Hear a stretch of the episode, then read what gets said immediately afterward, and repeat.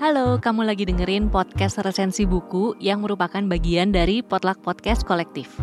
Di episode ini, kamu akan dengerin resensi buku dari teman-teman yang berpartisipasi di kompetisi podcast resensi buku 3. Kompetisi ini berkolaborasi dengan tujuh penerbit, yaitu Gramedia Pustaka Utama, Kepustakaan Populer Gramedia, Penerbit Haru, Buku Mojok, Penerbit Mizan, Bentang Pustaka, dan Gagas Media, dan juga berkolaborasi dengan Inti Megah Suara Indonesia.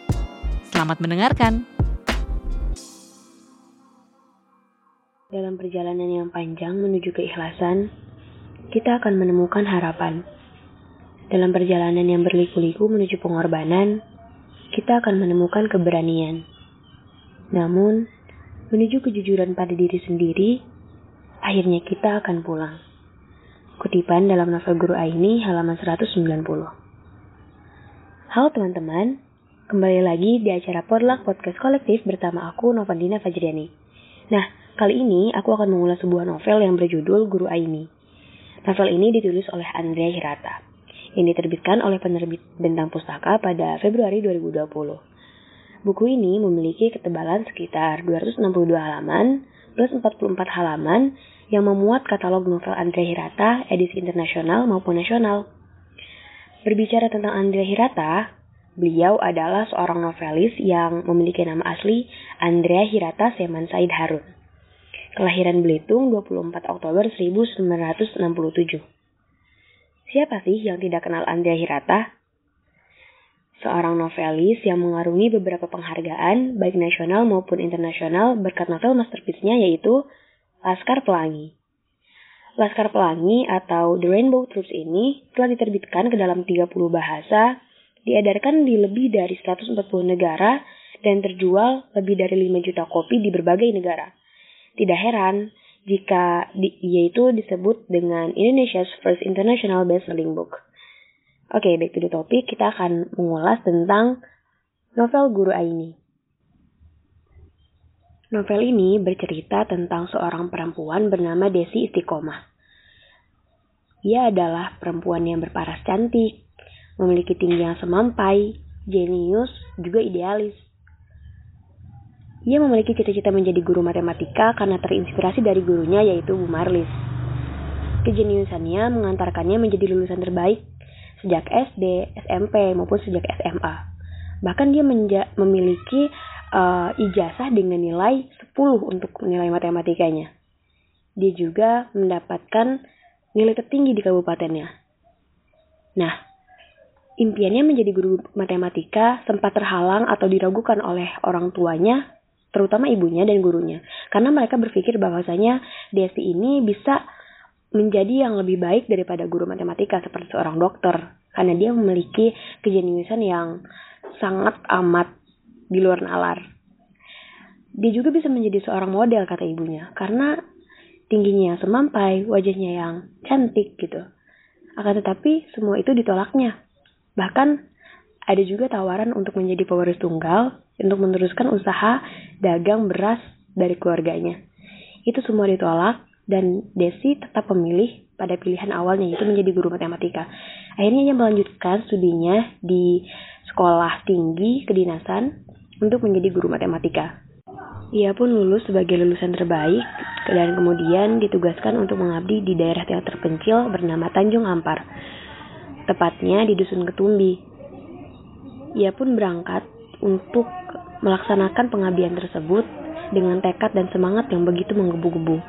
Ia berangkat mengenakan sepatu putih berplat merah pemberian dari ayahnya, yang kemudian ia bertekad untuk tidak mengganti sepatunya ini sampai ia menemukan murid jenius yang akan meneruskan generasi bangsa.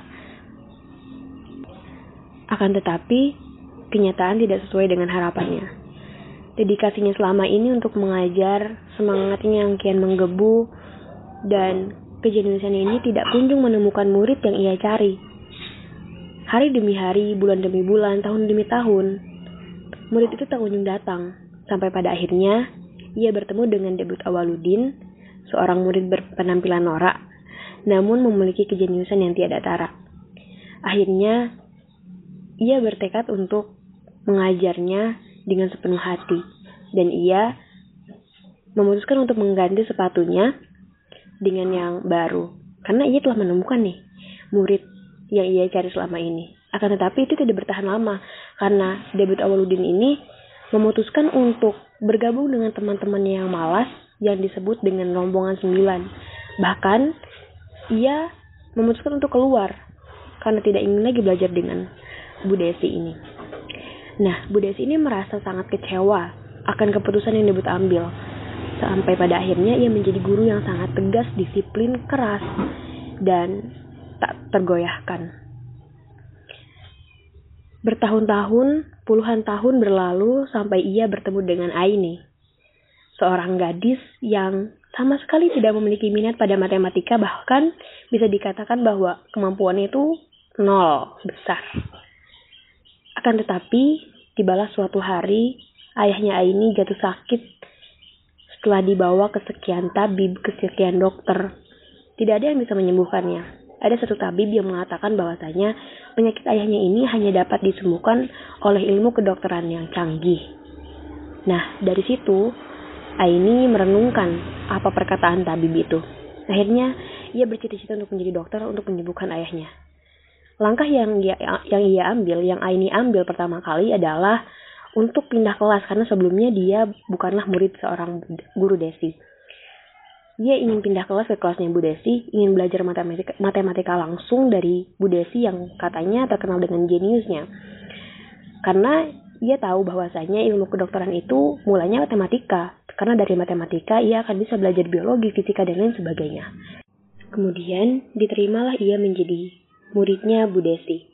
Hari demi hari ia belajar matematika, akan tetapi tidak ada perkembangan, karena menurutnya matematika sangat sulit untuk dipahaminya cacian, makian, dan peratan telah diterimanya setiap hari dari Bu Desi.